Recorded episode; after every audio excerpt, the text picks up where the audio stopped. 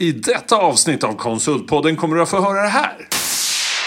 Vi har en exempel inom, inom sjukvård där du har eh, där läkarna ska mm, träna på att operera folk. Och det finns sådana dockorna som är svindyra. Men med, om du går in i metaversen så kan du träna på operationerna på en billigare miljö. Nu ska jag, det här är diskriverat. Jag, jag faktiskt ljög i min första techjobb. Eh, Nu kommer fram. Jag tror kanske det är vägen faktiskt. Kul, berätta. och Peter, om du lyssnar nu så får du uh, börja skratta. Peter, du kan ringa mig sen.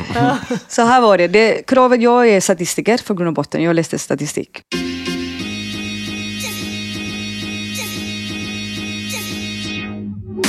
Konsultpodden, den största podden för dig i konsultbranschen. Med mig, Helena Torhage, Håkan Mild Svensson och Mattias Loxi. Bakom podden står Berotech och Synode. Okej, hörni. Mina poddvänner. Mattias in the house. Skönt. Ja. Ja, Hela säsongen tänkte jag. Eller vi får se i slutet. jag ser. yes. Nu har det vänt. Det har det blivit, vänt. Ja, det är inget fel på din kollega, men det är väldigt härligt att ha dig tillbaka. Och Helena. Ja, Ja, har aldrig gett upp. nej. Det är skitbra. du? Hur känns det? Alltså, det är ju galet där ute. Det är kriget. Och nu har vi eh, någon hemsk sak som det skakade om halva Turkiet. Jättehemskt. Inflationen är kvar. Räntorna är fortfarande höga. Men solen började visa sig lite mer. Det kommer bli bra snart, tänker jag. Hur känner ni? Ja, dels så måste det ju bli det. Ehm, men eh, jag tycker ju för min egen del så känns det som, ett, som en ganska skön start på året. Ehm, att so far har 2023 ändå varit ett år i balans. Skönt. Ehm, och I det får man ju en styrka att tackla alla de där andra vidriga sakerna som pågår. på något sätt. Det är skönt att kunna unna sig att känna att det känns i balans när liksom hela världen är i obalans. Samtidigt, att man vågar säga det, det är bra. Ja, jag har förstått det som att det kan vara ganska klokt att vara i, sitt, i sin lilla grupp då, om det är familjen och några vänner. bubbla. Och liksom titta, titta så att alla mår bra där, när man inte kan påverka allting utanför också. Mattias då? Ja, men ljuset gör det mycket tycker jag. Ja, men jag, jag. Jag tycker ändå att det är lite positivt. Börsen går som, som tåget och Ja. konsultbranschen tuffar på. Ja, så att eh, och jag ska få barn här till tredje. Ja. Jag vet inte vad jag ger mig in på. Ja, herregud vad Så härligt. att, eh, ja, nej, jag tror att det är... Vi är på G. Och, idag så startar ju podden igen efter Ja, juluppehållet. Bara det är ju en liksom Bara det. tipping point för hela branschen, tänker jag. Bara det. Ja, som ni måste ha väntat. Ja. Och jag måste bara, vi- ja, alltså, förlåt, nu går jag direkt in på konsultbranschen. Ja, Men jag please. tycker det har rivstartat. ja, det har det. Jag som Ja. skriver mina konsultnyheter. Ja. Så att eh, första som kom ut är att eh, Amazon Prime ska ha en tv-serie som heter The Consultant. Ja. Som kommer ut 24 februari. Ja, det är Får se vad... vad Sjukt bra branschnyhet. Ja, roligt. Och eh, vår gamla statsminister Stefan Löfven Blir blir, konsult. vad tror han blir? Han blir konsult. Ja, det ser som jag. vi brukar Han blir säga. konsult. Det tog Alla lite hamnar där till slut. Man hamnar där. Han var lite senare än oss att pika i sin karriär. Ja, så är det. Tycker jag. Så är det. Nej, men det händer mycket. Det är mycket förvärv. Rapporterna börjar komma. De ser helt bra ut. Mm. Menar du att man inte märker av eh, det här Lite, lite jo, längre? lite ska jag säga. Och det är olika branscher. Eh, det går väl lite trögare, tror jag. Men jag tror att eh, ni går väl hur bra som helst. Ja, Biotech. det vi inledde, ja, hela förra året var helt galet och det fortsätter ännu bättre fram till december. Ännu bättre tid. Ja, det vet vi. Sen så hör vi väl att det tar lite längre tid att ta beslut. Ja, och de säger längre. att Nej, nu kan vi nästan rekrytera, eller anställa själva för att det är liksom en omdaning i branschen. Så många kanske tar ett fast jobb nu. Och det tror jag bara är bra. det är bra. Det kanske har gått lite för bra ett tag. Beviset är kvar att det behövs duktigt folk. Verkligen. Anställ eller hyr in, spelar ingen roll. Bara kunderna får den hjälp de behöver, tycker jag. Verkligen. Så det är väl positivt. Men nu kan inte jag hålla mig längre. Nej, Dasil, du är våran prime time gäst här idag. Tack så Jäklar vad kul. Ja, det ska vara jättespännande. Tack för att ni fick komma hit. ja. ända från Göteborg. Fattar du? Och... ja. ja. Och Är det... Håkan, du ska ju till Göteborg i eftermiddag. Ja. Det är ett väldigt fint utbyte. ja, jag frågade om jag skulle skjutsa tillbaka, men du ska ha massa andra viktiga möten. Ja, förstås. inte riktigt, men det, det är alltid kul att vara i huvudstaden. Ja, precis. Så är det. Ja, jag älskar Göteborg. Göteborg. Göteborg. Men du jobbar på, vad heter firman? Nagaro. Nagaro. Det låter spanskt. Ja, det kunde man tro, men det är det inte. Eh, Det är faktiskt en väldigt eh, spännande bolag. Vi, finns, eh, vi är 18 000 anställda och eh, finns i 32 länder. Och eh, vi, har, vi kallar det vår huvud, eh, vi har ingen huvudkontor. Så att vi är verkligen globala på riktigt. Eh, så vi- vart startade det någonstans? Det startades i USA. Vi är börsnoterat i Tyskland. Eh, och vi har chefer spridda över hela världen. Vi har en, en av anledningarna för att jag började jobba på Nagaro var att de har den här, de kallar för Making Distance Irrelevant for Intelligent People. Eh, så det spelar ingen roll var du sitter. Eh, det, är- det är faktiskt väldigt häftigt. Kompetensen som avgör. Ja. Eh, väldigt ingenjördriven. Eh, Vi brukar skoja det. oss- 18 000 anställda, 16 000 ingenjörer. Och sen Häftigt. jag. Nej, jag skojar. Men ni, för ni är ganska För vad- okända i Sverige, men ni är inte så stora i Sverige. det, är det är det som är så märkligt. Jag tror vi är för ödmjuka för att vår största, en av våra största kunder är Assa Abloy. Vi har mång, en hel, många konsulter som jobbar för svenska bolag. Men vi är väldigt anonyma. Och det har ju ändrat, det är därför jag är här idag bland annat. Yes! Ja, nu ska du få berätta massor. Men vad, vad gör du då? Vad är din roll? Eh, Jag är ans- eh, mitt titel är Director Data and AI. Eh, Jag ansvarar för, för um, områden inom data AI och AI att växa i vad vi kallar för Rest of Europe. Så jag jobbar inte med tysktalande länder. Eh, Så jag ansvarar för alla andra länder som inte pratar tyska. Ja, det är ändå ganska Det bra. finns ett par stycken att jobba med. ja, ja. Det är mycket fokus i Norden. Som sagt kommer från Göteborg, ursprungligen från Spanien. Det är därför jag låter som jag gör. Eh, Många säger du är inte svensk, men du är från Göteborg. det, det, det hör man. Det är en skön kombo. Ja, det är skönt kombo. Så att jag har jobbat inom eh, data och, och AI inom tj- över 20 år. Men inte som konsult. Nej. Så jag jobbade fram till två år sedan i eh, stora bolag och köpte mycket konsulttjänster. Eh, tjänster. Sen bytte jag sida till the dark side. Mm. Känns det som the dark side? Nej, det är det Nej. inte. Nej, men jag, det, det spännande med att vara konsult är att just det här med att du kan göra olika saker och lära dig nya saker. Eh, så att eh, jobbar man i samma industri som jag gjorde i tio år så blir det ungefär samma sak. Nu har jag lärt mig saker som inte visste att, eller områden inom data och AI som inte ens trodde var möjligt. Och det är väldigt kul. Allt från IoT, så tycker jag det är superspännande. Eh, eller ja, alla möjliga grejer. För va- vart var du innan? Åh gud, jag jobbar i inkassobranschen. Det är ett rejält branschbyte. Japp! Det är...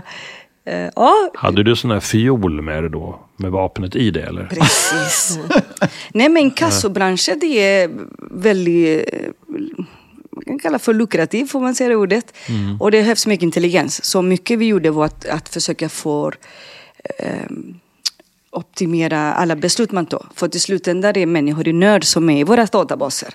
Så vi jobbade mycket med, med att försöka få rätt beslut till eh, rätt ögonblick. Och man kan inte tro det, men det var mycket eh, advanced analytics vi körde i just en gammaldags bransch som konsultbranschen. Eller heter det, inkassobranschen. Stora Så datamängder Ja, och dataanalys. Det är det. Men Så- är du ute och konsultar någonting nu? Eller är det mer- Nej, det gör jag inte tyvärr. Men, eh, eller, ty, mitt jobb är att, att, eh, att se eh, områden. Eller, jag kan gå in i, i väldigt tidigt en kundmöte och sen såklart få in de människor som ska behövas för, eh, för att göra just det uppdraget. Men för mig lite så här, okej, men vad är vi på väg? Eh, I Norden framför allt. Okay? Jag ser mycket behov av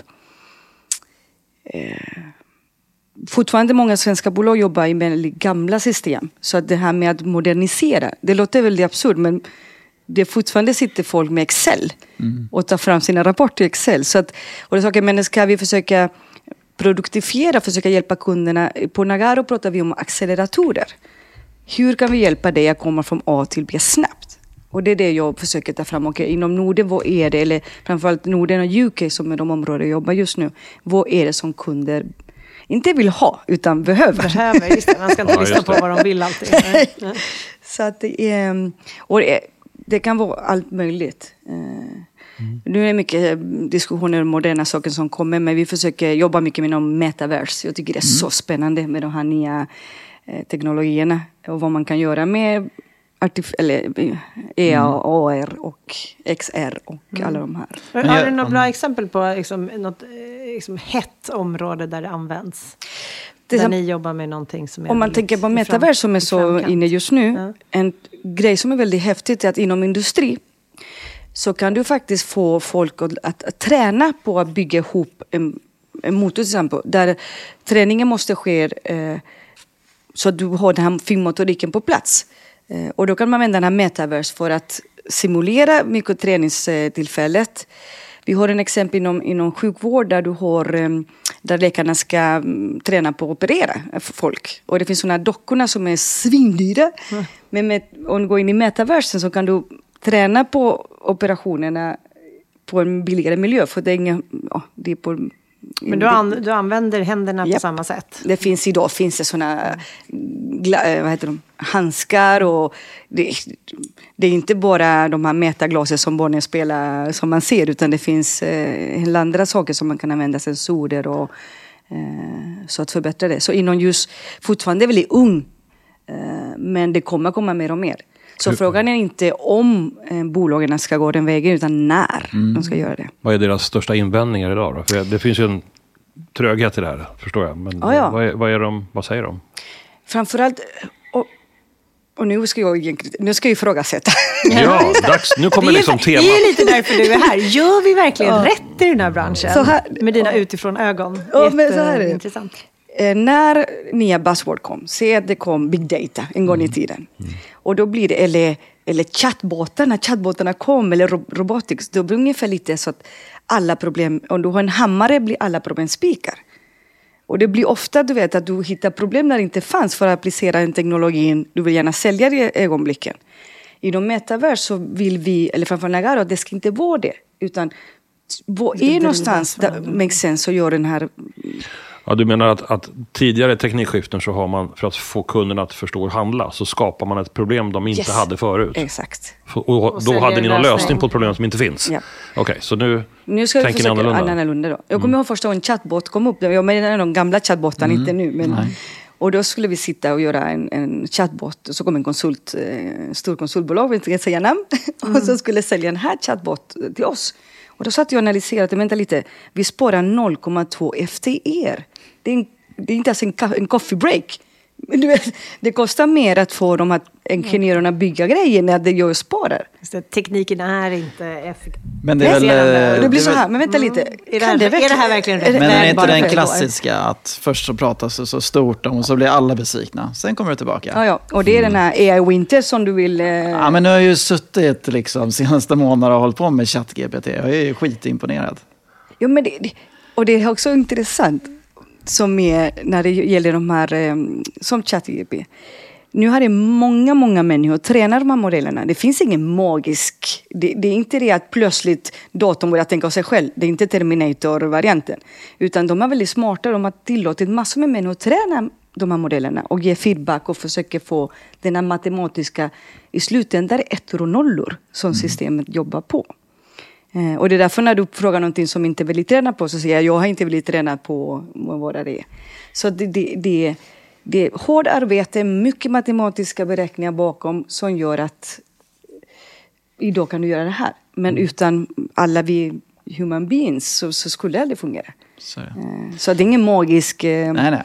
Ja, Men, den, men det är lär sig, den lär sig ju också. Men den känns ju ändå som att den kan komma och göra nytta för ganska många ganska snabbt. Gud, att det blir så ja, lättillgängligt. För annars tycker jag också att det känns som avståndet är så stort. För, framförallt, det viktigaste är, och jag tror man när man läst mycket runt omkring, det här med frå... I- Ska jag verkligen använda den här? Ska jag till, I vilka sammanhang ska vi använda den som stöd? Eh, Eller ska det ta över vissa uppgifter? Så den här, nu är det lite hype, lite kul, men så småningom blir det, ska det ersätta vissa saker eller ska det vara Eh, Jag märkte själv, jag, jag försökte använda det ibland när jag inte kan skriva själv. Eh, Men jag känner så här, jag gillar min talspråk. Jag tycker om mina felsägelser. Det gör mig mänskligt. Så att det, det är... Ja, blir det för finputsat så blir det inte så spännande heller. nej. Men det kan vara ganska skönt som en grund och så kan man liksom göra om den till är sin korrekt, egen- bara en sån sak. Ja, Det, är har jag använt. Jag har använt mina dåliga texter, skickat in den och så gör den bra grammatik och Precis, för det Så att- be- ja, men det be- finns ja. jättemycket. Det, kom, Bättre men än Google kommer, Translate. det kommer förändra i supermycket. Skolan och hur vi, hur vi jobbar och Skolan vet jag inte, för att skolan fortfarande idag, innan, jag låter så här jäkla gnällig, men vi fortfarande sitter, skolan idag gör samma sätt som de gjorde i neutraliseringsperioden. Mm. Det har inte hänt en, visst nu har de iPad i skolklasserna. Men det är ju inte ens positivt. Nej. Så att någon gång måste skolan också förändra hur de äh, sitter 20 elever på ett bord och lyssna på en person där som på något sätt Som är trött och inte så engagerad kanske. Eh, Så att eh, där, eh, det är en helt annan podd vi kan göra om skolan. Ja. Men jag Så förstod inte vad skulle Nagaro göra annorlunda här? Om man sålde in det genom att påvisa behov, problem som inte fanns. Nej, där, vi- där vi- tappade jag lite Oj, tråden. förlåt. Ja, men vi- nej, jag vill bara återkomma. nej, nej, men för det är bra. spännande. För det, Eh, du tänker... det var- ja. Det var några- Nej men vad vi gör så här, säg att vi, vi går in i en diskussion där ni behöver en, eh, vi fokuserar mycket på vad är på problemställningen du har. Och det kan hända att jag kan säga till dig, nej, men det här är inte det problemet du har, du har ett annat problem. Så att i Nagaro-konversationen så ifrågasätter vad är det du egentligen vill ha? Eh, jag hade till exempel en exempel där vi hade en, en kund som ville ha en, eh, den här kallas för natural language processing, en NLP-lösning för att de hade mycket manuellt, eh, de satt och kodade, stoppade in saker manuellt, det var massor med människor. För att de, folk sökte, hittade inte vad de letade så begärde en ny jag ska inte säga exakt för att eh, förstå vad jag, vilket bolag jag pratar om. Nej, Eh, och då satt jag där och frågade sig, men vänta lite, hur många nya saker kan man mata in? Ska det verkligen vara det som är problemet? Kanske är sökmotorn är inte riktigt optimal så folk inte hittar vad de letar. Det var inte så populärt för att vi skulle sälja en LP-lösning men jag tänkte det här stämmer inte. Nej. Så att kanske vi ska optimera din sökmotor och se att du- folk hittar mer istället för att försöka... Så att, Bara mata och mata. Ja, så Nagaro ifrågasätter många av de här sakerna som eh, kunderna, framförallt när det gäller ny- ny teknologi, för det, vi har varit där, vi jobbar i alla branscher. Så att vi säger mer än en gång nej eh, till våra kunder. Eh, Och, lite och för, mig, läskigt. för mig är ju det riktig konsultverksamhet. Det andra är lite mer åt bemanning, när man gör det som de har sagt att man ska göra. Då blir det så. Men om du jobbar som liksom, problemlösare och letar efter root cause, så är vi ju där du pratar nu. att, Okej, vad är det egentligen? Behövs det så mycket folk för att göra det här när man bara kan stänga av den här saken eller trycka på den knappen? Så att det, det är ren konsulting. Det är bra. Mer sånt. Det är bra. Ja, men om man tänker så här, det är också det här eh, proof of concept, jag kallar det för POC-sjuka. Eh, många konsultbranscher kommer, ja men vi ska göra en POC. Jaha, säger jag, men vänta lite. Jag kommer ihåg, jag frågasatte en annan kund för han, vi skulle ta fram eh, en lösning med Google Glasses. Eh, där du kan se, eh, ja, den hjälper, eh, när, när du tittar på något så kommer information i dina Google Glasses. Och då säger den här kunden, ja men vi ska göra en, en, en POC. Och då frågar jag så här, vänta lite, är ni fronten, är, ni då, är det bolagen som är i front-end? Eller är ni där? Nej, ja men copycat, du är inte proof och concept, det är redan, beprövat. Frågan är, ger det värde till dig? Så att vi kallar det för proof of value. Det låter semantiskt, men det är inte det. För att Nej, det är ett helt annat sätt det är en att se. Det. Om du inte är top notch i ditt... Jag kopierar vad andra gör. Du är inte ny. Eh, Så att eh, det ifrågasätter jag också. Ja, jag förstår. Men du, en annan sak du kanske ifrågasätter. Det Det är är, hur hela konsultbranschen. Hur tycker du att konsultbolagen, nu när du har Mm. liksom lärt känna den verksamheten, både ditt eget bolag men de runt omkring också. Vad, vad liksom får du för tankar och frågetecken? Och så här, vad skulle du vilja förändra? Det börjar med att första gången jag fick en sån arbetsbeskrivning, vi får såna request och, och, och förlåt jag blandar engelska men jag pratar inget. engelska hela... Det gör inte. Ehm. Så länge det inte är spanska, för då fattar jag inget. Jag kan inte prata spanska om teknologi faktiskt. Nej, just det, för det är det man är Nej. tränad på. Nej, så att jag fick min första arbetsbeskrivning av en kund. Och när jag läste det så det var skämt. För det var så mycket. Det var så här, det ska göra det och det och det och det. Och jag bara, men vänta lite, det är tre befattningar igen. En Kinderägg! Ja, just det. Här ska du få... och då började jag tänka, men men kan det stämma detta? Så började jag titta mer och mer. Och det är inte en gång, utan flera gånger när du får sådana helt... Ja, jag kan säga ordet absurd, för det är faktiskt ordet man tänker på. Eh, och då satt jag och tänkte, men det, vissa yrkeskategorier är, skulle aldrig man göra en sån här eh, ihop Beskrivningar. Och jag tänkte på, okej, en exempel. Jag ska bygga ett hus. Och då kommer jag till en entreprenör så jag vill ha en arkitekt som kan också sätta upp rörmokeriet och dessutom ska kunna städa efteråt när han är klart. Ja. Det är ingen som skulle... Först vill inte jag ha en sån person. För jag vill ha en Nej, duktig någon som är arkitekt. riktigt Ah, en duktig arkitekt. Ja. Ja, en duktig rörmokare och kanske någon professionell städare. Men i IT-branschen, där jag jobbar, där kan du få sådana helt... Du vet. Men då får man ju heller inte riktigt en matchning, för det finns ju ingen person som kan leva upp till allt det där. Eller försöker varje, ser du liksom att varje konsult då försöker ta den här omöjliga rollen? Och att Vad det bara blir besvikelser? Eller? Vad som händer om man skadar konsultbranschen själv, för då säger bolaget, ja men vi har en, eh, också så här väldigt konstigt, man har en, en preferred supplier, så du har en stort konsultbolag och säger de, äh, de kan inte leverera vad vi vill ha, då går vi någon annanstans. Ja men de är också urdåliga, de kan inte leverera vad vi vill ha. Och så, så försöker man, det, handlar, det är en balans mellan eh, och jag förstår att man vill ha de här supermänniskorna för att det finns en budgetrestriktion. Kanske du har inte alla pengar i världen för att kunna anställa du kan en ta in konsult. en konsult, Och då behöver du, du kan ta en konsult. Och då försöker du squeeza så mycket som möjligt den personen. Och det fattar jag väl. Eh, men samtidigt, det känns så fel för att vi, i alla de här annonserna inom IT så står det att du ska vara agil. Det här ordet agil. Men agil är inte att du har samma konsult som han kan kunna allt under ett år hela tiden. Nej. Eller? Absolut. Så att... Oh. Jag, man kan ju också fundera på varför, ett sätt är du sa att det, det kan bero på att det är en budgetfråga, men varför, det är ju ändå intelligenta människor som är våra kunder. Vi kan ju börja med att förutsätta det. De skriver en spes. Varför skriver de den på det här sättet egentligen? Ja, men för jag tänker att hittar man inte inhouse, då tror man ju att det är en supermänniska man behöver. Man har ju redan duktigt folk hos sig själv. Och det är då man behöver ta in den här konsulten. Då måste ju den kunna mycket mer än alla de anställda. Eller? Ja, eller så är det något annat. Jag, jag vet- det, går infla, det, det är mycket inflation just nu ute i världen. Jag tycker det går inflation i de här kraven också. För att de ska gå till sin chef. Ja. Eller så ska facket godkänna det. Så ska det liksom vara så tajt så att det liksom, ah, okej, det vi kan inte lösa det på något annat sätt. Man skapar sig ett utrymme att förhandla, tror jag.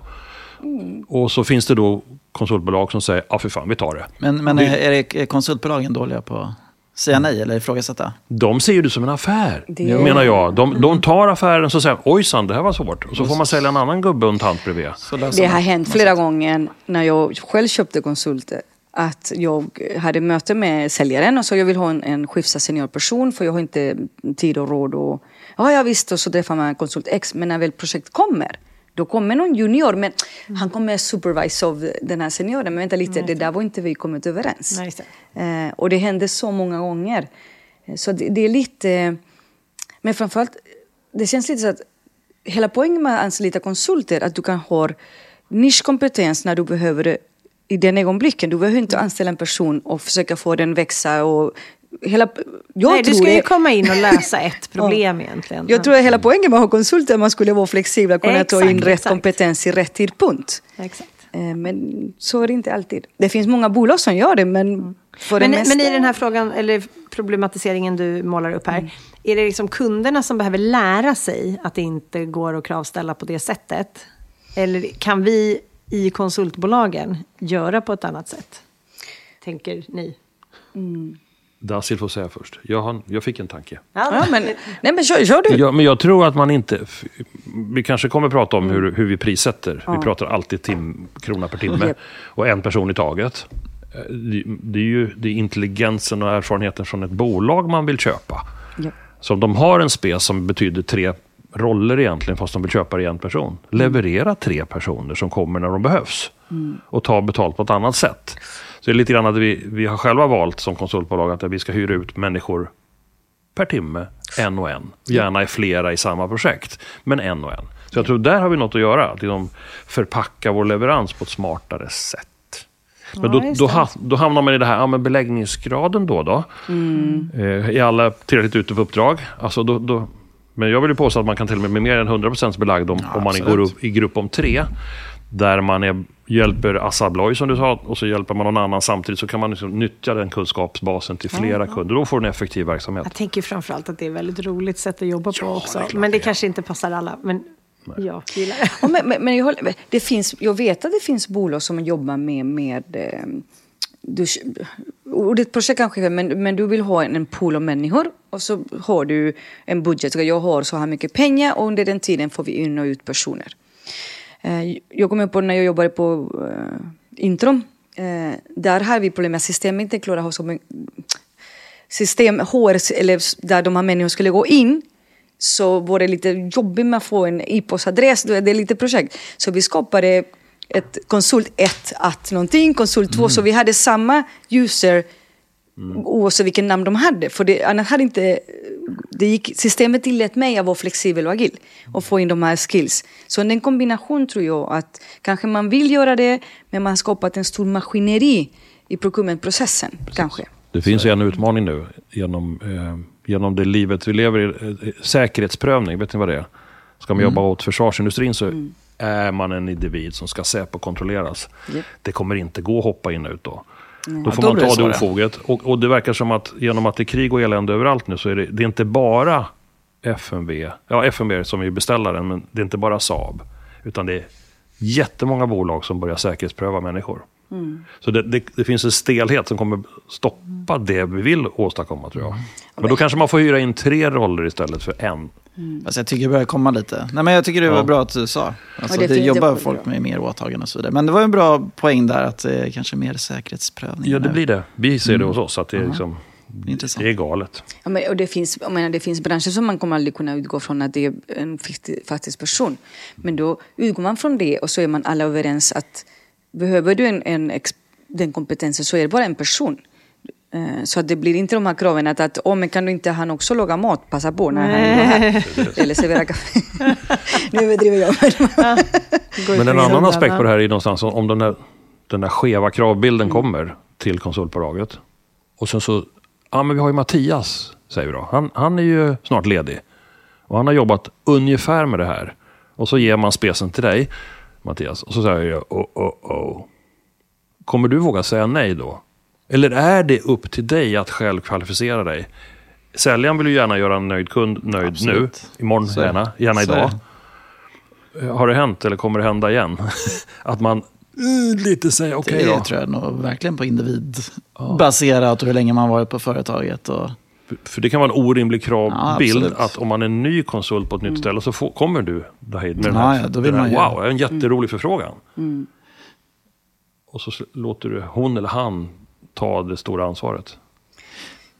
Men kan man inte jobba mycket mer med mentorskap i konsultbolaget och stötta upp och så vidare. Nu hade du ett exempel när, när du som kund eh, Nej men det är en annan sak att vi är överens. du säger till mig, vet du mm. vad? Jag har ingen eh, senior men jag kan få in en junior mm. som kommer få stöttning av eh, och så kommer vi såklart priset, eller priset blir en annan. Så bara man är öppet i samtalet så, ja, vem som än säger ja. Men det, det, blir konstigt när det blir inte som vi har kommit överens. Mm. Och alla vill ha experter såklart. Mm. Och seniorer. Men mm. så många finns det inte. Eh, och man måste kunna ge möjlighet att de här juniorerna också ska skaffa en senioritet. Sen är frågan vad är senior och junior? För det är en annan diskussion. Eh, för ibland senioritet är bara för att man jobbat i många, många år. Men teknologin där vi jobbar, den dök upp för ett år sedan. Hur mycket senioritet kan vara där? Ja, just det. Och det är inte mm. rättvist att kalla dem för juniorer heller. Mm.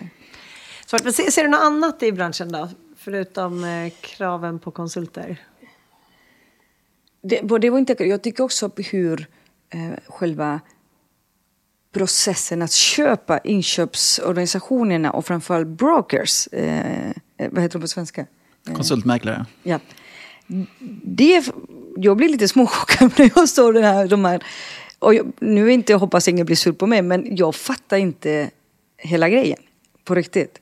Varför har man en, de här konsultmäklarna? Vad, vad är, vad, vad är deras uppgift och ja, syfte? Ja. Eh, och jag förstår kanske någon gång i tiden fanns ett behov, men, men, eh, men eh, kan någon förklara för mig vad nybranschen ja, det, det har ju blivit en stökig bransch. Det är en, det är en stor möjlighet för många att komma åt spännande kunder. Och det är en stor möjlighet för kunder som inte riktigt vet hur de ska hitta de duktiga människorna. Om man redan använt den här vanliga kanalen med den här vanliga leverantören och så vill man testa någon ny. Och så vill man komma åt Mattias här då. Men han är inte på de här stora bolagen. Han kör antingen eget eller tillhör en liten mindre grupp. Då hänger den gruppen med den här brokern. Så det finns ett värde för marknaden att det finns mäklare. Vill jag påstå. Så är det. Och för egenkonsulterna och För komma egen- ut. Och Ja, kunderna vill inte fakturera tusentals olika bolag och så vidare. Så det är klart det finns ett värde. Men det är ju en liten stökig bransch när det är mellanhand. Och när det blir mellanhand på mellanhand också som det blir Ja. i vissa fall. När det är tre parter som ska få betalt av kunden. Precis. Då är det, ja, då Ja, då är det det grumligt vatten tycker jag. Men din hade har själva portalen, bara så jag förstår. Idag, i teorin, behöver inte en, pers en person att sköta en sorts portal. Det kunde vara att, att alla själv, självkonsulterna finns en, en portal där man laddar upp sina CVn.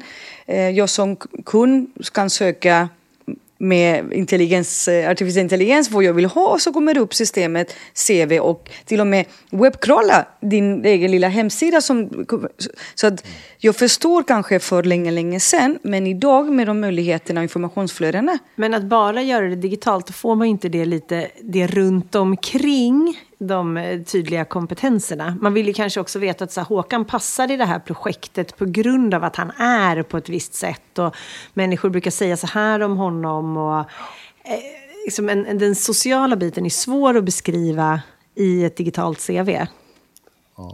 Och liksom hur man Det är passar och spännande. jobbar. Det är, nu börjar vi Ja. utmana branschen. Det är ju det här det handlar det om. Jag tycker det är jättebra att du gör det här. För, för jag tycker ju inte om portaler. Alltså det är ju människor som gör underverk åt en kund. Och det ska stämma socialt och värderingsmässigt. Och du kan aldrig som kund skriva exakt vad du behöver.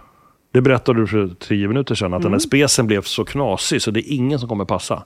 Och sätter du dig vid din dator vid portalen och letar efter den så kommer du aldrig få någon träff. Det kommer inte Eller? bli rätt. Du kommer få... Då tror jag att det behövs en människa än så länge. Jag är fortfarande... Jag får vara med fortfarande fast jag börjar bli gammal. Att, att, jag tror inte... Men vem är den människa, menar du? Vem, vem är den människa som, som känner dig just och som kan placera dig på rätt uppdrag? Vem är den Ja, personen? men det är en person, det är en människa. Det är du eller det är Mattias. eh, Eller Helena eller jag som känner er. Jag känner er tre. Jag vet precis vad du går för. Vad, när du går igång, när du trivs. När du får spänna din båge lite lagom mycket. Och vad du inte tycker om. Och sen så ringer en kund till mig och jag är mäklare och säger ja men det här är inte för Helena men det här, där har vi det. Där satt den. Så du menar att de här brokers är någon sorts, eh, vad heter det, managers för konsulter? Ja. Den eh, har jag aldrig sett. Men kanske det finns några bästa- den bästa. Nej, det finns säkert varianter superspännande brokers Det- som gör det. Men eh, jag har missat dem kanske. Ja, men jag tror att, jag menar inte att det är, är- jag menar att just den där att gå via en portal gillar jag inte. Nej. Och de Men finns du i alla behöver ju brokers. den mä- mänskliga aspekten också eftersom det är Precis. människor som säljer människor Precis. på något sätt. Ja. Jag tror Jag tror väl vinnaren, att vi i, bo- vinnaren i och, ja. brokerbranschen är den som känner vilka kunder som har vilka behov och hittar rätt konsulter och har dem nära kroppen hela tiden. Sen själva transaktionen kan sen ske ganska digitalt. Men först måste man ha lärt känna Mattias. Men det kanske också beror på komplexitet i uppdraget. Att det, är liksom, det passar för någon som drivs av vissa saker och trivs i vissa miljöer och sådär. Som kanske inte behövs när det bara är en person som ska in snabbt. Och det här har ju någonstans den här bäringen med den här gigvärlden som vi är en del av. Men som man läser om och hör nu. Hur, hur missnöjda de här stackarna är som åker runt och säljer, eller levererar pizzor. Det är senast förra veckan i tv. Jobbat fyra år utan en enda mänsklig kontakt av kollegor. Och, och är jag lite sen så får jag inte betalt. Det är också en portal. Så det handlar mer om det här digitaliseringssätt. Jag tror att man har effektiviserat sönder saker och ting. Ja, man ska också lära sig, man ska ju- känna. Vi som är en liten portal i, i både och egentligen. Vi, gör ju, vi låter konsultbolagen hitta, hitta varandras konsulter. Så tror väl jag att det, det är ett bra sätt att, att ta första steget och hitta och skapa Mm, samarbeten. Men det är klart att det är personliga sen i slutändan också. Ja, men när man väl väljer. men, men absolut. Ja, det är Men, intressant. eh, är ja, men, men har inte, det, det- problemet är väl att inköp också har fått ett för stort mandat. Man inte pratar med Ja, ja. själva behovstagaren. Nu tror jag att det kanske har vänt lite grann. Men Jag, jag, för, jag förstår eh, de här stora inköpsorganisationerna, framför allt stora, stora bolag som... Men då blir det blir lite som man köper... Jag, du köper människor, så det känns så konstigt att samma system köper du skruvar och, och muttrar och människor. Eh, på, på ungefär samma sätt. så är det. Och det enda de vill, vill är ju pressa priserna. Ja. Men då får man inte rätt konsulter kanske. Nej, men det, det, det, det, precis, det, så, det är väl intressant. Eh, att, att säga, men du vill ha den här supermänniskan, då ska du betala mm, 530 kronor. För vi har fått sådana seniorer på 530 kronor nivå på riktigt. Eh, igår. Det är bara Göteborg. Och då finns ingen chans i världen på grund av att det fortfarande är ett portal att jag kan lägga upp en person och säga du har fel, du kan inte få den personen. Så att vad jag gör, vi, vi gör inte det. Eh, och bo, kunden som efterfrågar missar för de finns inte för 530 kronor. Kanske någon gör det. Så det, det, Och vad händer med dem då i förlängningen när de ändå väljer att ta in en för det priset? det vet inte jag faktiskt. Nej. Nej, men Det Ja, men kan det, ju om, man, aldrig om, man, om man är i den här totala digitala världen och det, och det finns ju alltid någon obelagd skitduktig konsult som har varit utan jobb i fyra månader och som ser 530 spänn. Jag ska tydligen åka till Sverige och jobba nu. Jag gör det. Så du skapar en konkurrenssituation som är Mm. helt galen. Och, och utnyttjandegraden, ja, men det Du blir menar om alla här tackar nej? Ja, det där är svårt. Ja, det- Och framför när du vet, i Sverige har vi, vi är ett litet land och behov och kompetens är enorm. Ja. Framförallt inom tech. Eh, Så att det är, eh, och det blir lite, kommer ihåg när man började få in de här, eh, när både Polen och gick in i EU så kunde man få polacker och och fixa hus och, och det var en jäkla halabalit att om jag tog in polacker då, eller Rumänien och bygga hus. Eh, för det blev den här som det blev, regleringen och så ungefär likadant nu när det finns inte svenskar som kan leverera på de priserna. Då kommer in folk från eh, länder som är superlyckliga och har först ett jobb mm och, och andra att, överhuvudtaget vara i Sverige. Så att det, jag tror man byter, vi ska, ja, det, ja, det är lite, lite svårt. Det blir inte så helt hållbart och helt på något sätt. Nej, sen de kanske kan reglera, det finns en minimotimarvode för att svenska konsulter ska inte konkurreras bort och mm, vill... Jag Det är sken, allt det här är skenheligt vill jag bara påstå. Vi åker till länder där det inte kostar någonting att vara turist. Mm. Av exakt samma skäl.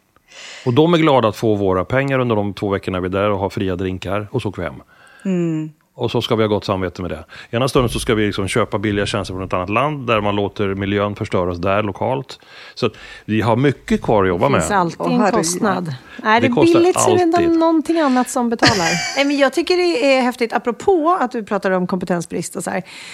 Eh, kvinnor i branschen har ju Mm. diskuterats ungefär hur länge som helst, men det går fortfarande inte jättesnabbt. Du har startat ett nätverk för att Ja. komma någon vart i frågan. Kan du inte berätta lite om det? När, eh, och det, så här är det, vi kvinnor är våra värsta fiender. Så har jag lärt mig den hårda vägen. Mm, det stämmer Eh, nog tyvärr. Och eh, när, vi sko- när jag kom in och började, jag jobbade inom tech hela min karriär och eh, ungefär du vet, det är 20 procent kvinnor. Eh, och inom den här positionen som jag själv, vi är väldigt, väldigt få. Eh, och då finns alla de här, och jättekul att få dem women in data, women in mm, alla möjliga. Men då blir det in betyder någon annan är ut. Eh, och då blir det att inom, jag är dataperson men jag är inte ingenjör. Och då får jag inte med i de forumen. Så jag har skapat eh, ni, eh, nätverk jag kallar för datadrivna kvinnor. Där alla som brinner och jobbar med data är välkomna. Eh, även eh, en journalist kan ju jobba massor med data och få du den här känslan. Och, så att Ja, det. Det blir inte branschspecifikt. det behöver inte vara bransch, det behöver inte vara ingenjör, det kan vara eh, folk som brinner och jobbar just med data. Som är, och framförallt få det att i, jobbar du aktivt att få ditt bolag att vara datadriven, då är du välkommen. Är det lokalt eller globalt? Eller Vi har precis fått nationellt, vår, vi, vi har precis fått vår första edition i Göteborg. Och det blir så kul att, att när jag, med alla jag pratar med, att "Ah, men vi måste göra samma sak i Stockholm och i Oslo. Så vi planerar nästa gång i Oslo. Eh, och sen eh, Köpenhamn förhoppningsvis. Och sen, jag tycker vi går globalt. Jag tycker jag ska Kul. vi köra. Men, men försöker ni locka, vad, vad, ni samlar de som jobbar med data och är intresserade, men försöker ni också locka liksom nya, ny, nya personer? Eller? när det finns en förebild, kvinnor dras, om, om, ju mer vi syns, för jag brukar säga gamla tanter som jag, men när du med syns att det går att lyckas i den här branschen, så kommer automatiskt tjejer att känna sig, ja men gud, om hon har gjort det så kan jag också göra det. Så att vi hoppas att genom att lyfta och synas, alla vi, eh, så blir automatiskt en, en att, ja men det, det går att lyckas. Eh, så att det, det blir lite... Nu ska jag, det här är det skrivet. Jag, jag faktiskt ljög i min första techjobb. Eh. Jag tror kanske det är vägen faktiskt. Kul, berätta. och Peter, då, om du lyssnar nu så får du börja skratta. Peter, du kan ringa mig sen. Så här var det. det kravet, jag är statistiker för grund och botten. Jag läste statistik. Och jag sökte ett jobb där det stod att man skulle kunna SQL. Och jag googlade SQL dagen innan intervju. Select from start. Jag tänkte, hur svårt kan det vara? Så jag sa jag kunde. Jag kunde det rent teoretiskt. Men jag visste Men vad du det hade var. bara aldrig gjort Men det. jag tänkte, hur svårt kan det vara? Då fick jobbet. Ja, och sen? Och så småningom jag lärde mig det. Ja. Eh, och blev datachef. Eh, så att hade jag aldrig Vågat göra Vågat det. göra Men en det där, sån där grej. är ju tyvärr lite kvinnligt och manligt. Ja. En Yes, kille skulle ju det. inte tvekat en sekund. Nej, så går jag hem och kör ChatGPT och Ja. frågar Nej, lite. och det intressanta är också det att, och det har jag också ifrågasatt väldigt mycket, annonserna för guds skull. När du söker techmänniskor, eller då har du alltid en, en krav. De ska vara fem år, du ska kunna, den här bullet point, du ska göra, du ska jobba i fem år, du ska kunna A, B och C. De flesta kvinnor tyvärr, oh, men jag har jobbat bara tre och en halv år och jag kan inte A, men jag kan B och C. Då söker jag inte jobbet. Exakt. Man, borde änd- man ska ändra hur man skriver annonser.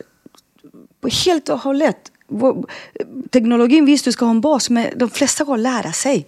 Ja. Eh, Så att det... Jag, Ja, det där är problematiskt Det där är eftersom alla säger att de vill ha fler tjejer och sen så Ja, det är inte jätteintressant. lyckas. Annonserna är... Men märker du att, eh, att nätverket har attraktion, liksom många som vill vara med och ja, jag hoppas det. Vi har precis... Så nu Ja. promoterar det här. Nu Ja. ja. passa på. Ja, efter Nej, jag- det här. Nej, men Hur jag, jag, jag pratar med många peers. Vi är många kvinnor. Jag har jobbat så pass länge och är väldigt aktiv i mm, både håller föredrag och, och försöker synas ut. Och framförallt som kvinna och utländsk bakgrund eh, i Sverige. Det var inte lätt för mig att komma vad jag är idag. Eh, Bra jobbat. Så då att det är, det är, man har en hårdare, mycket tuffare väg. Eh, Så att då pratar jag med andra kvinnor, det är bra, man kommer fram, åh vad kul. Och, och så märkte vi att alla har samma utmaningar.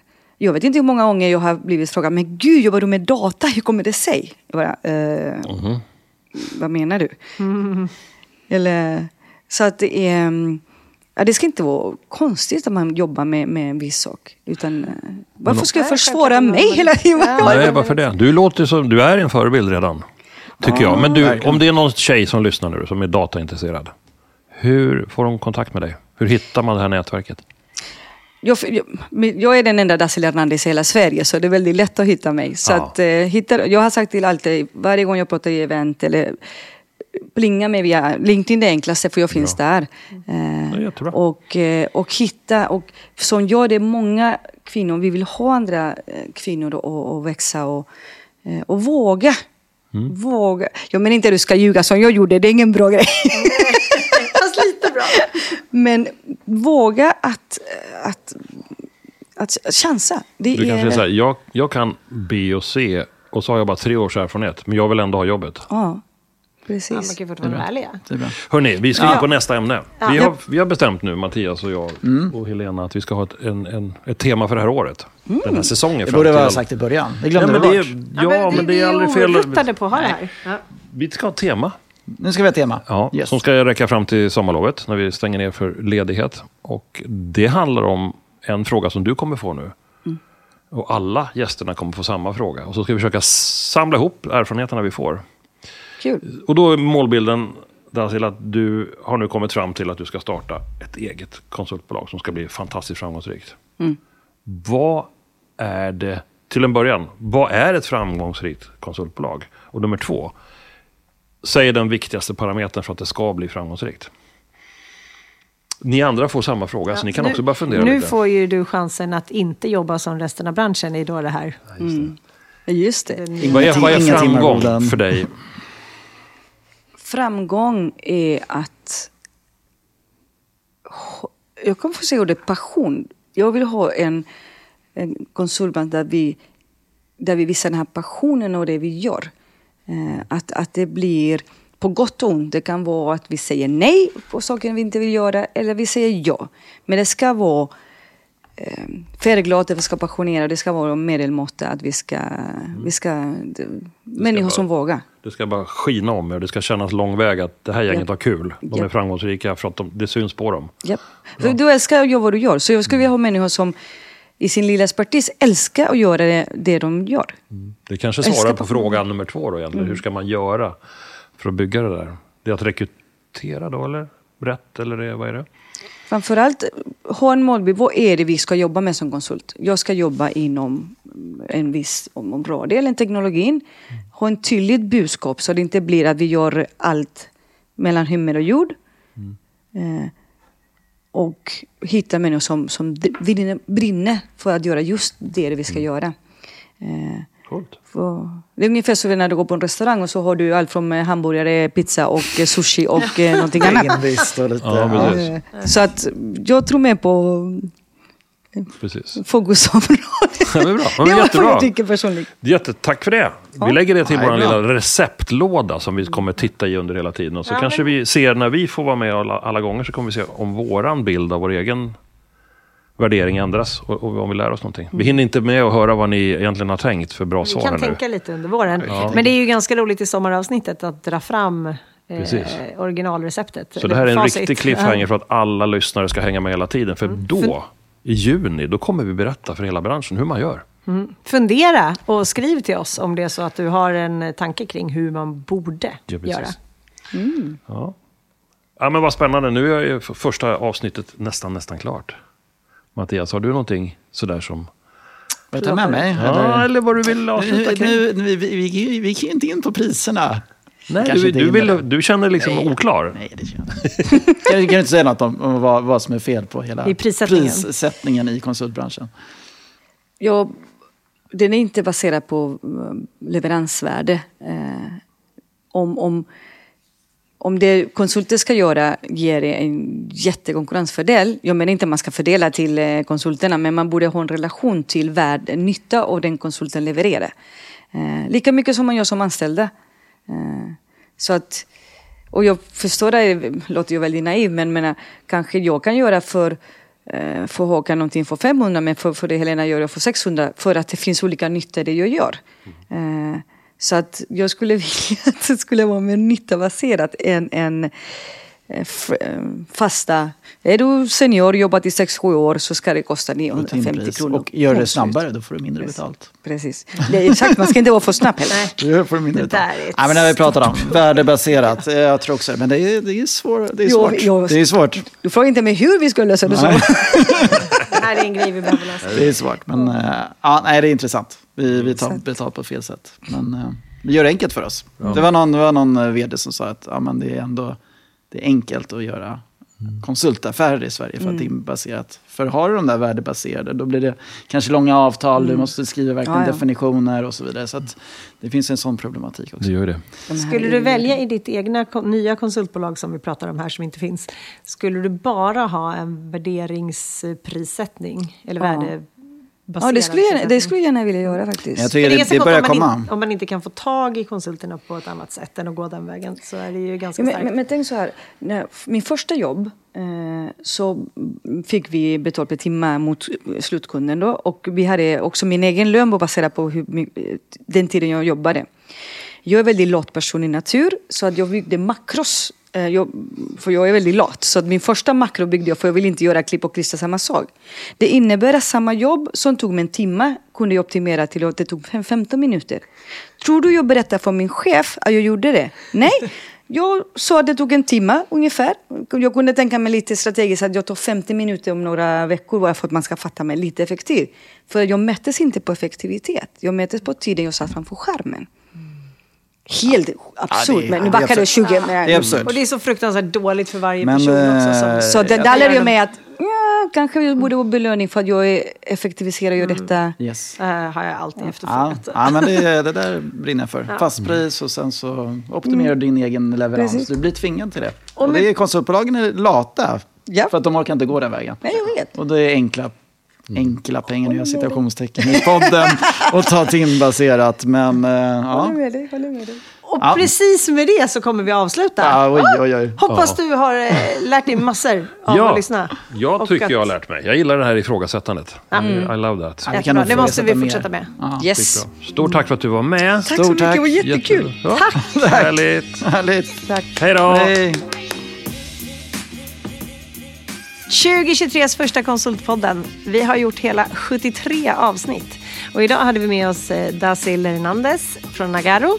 Vi hade även Mattias Loxi Synod och Håkan Mild Svensson och mig, Helena Torhage från Berotech.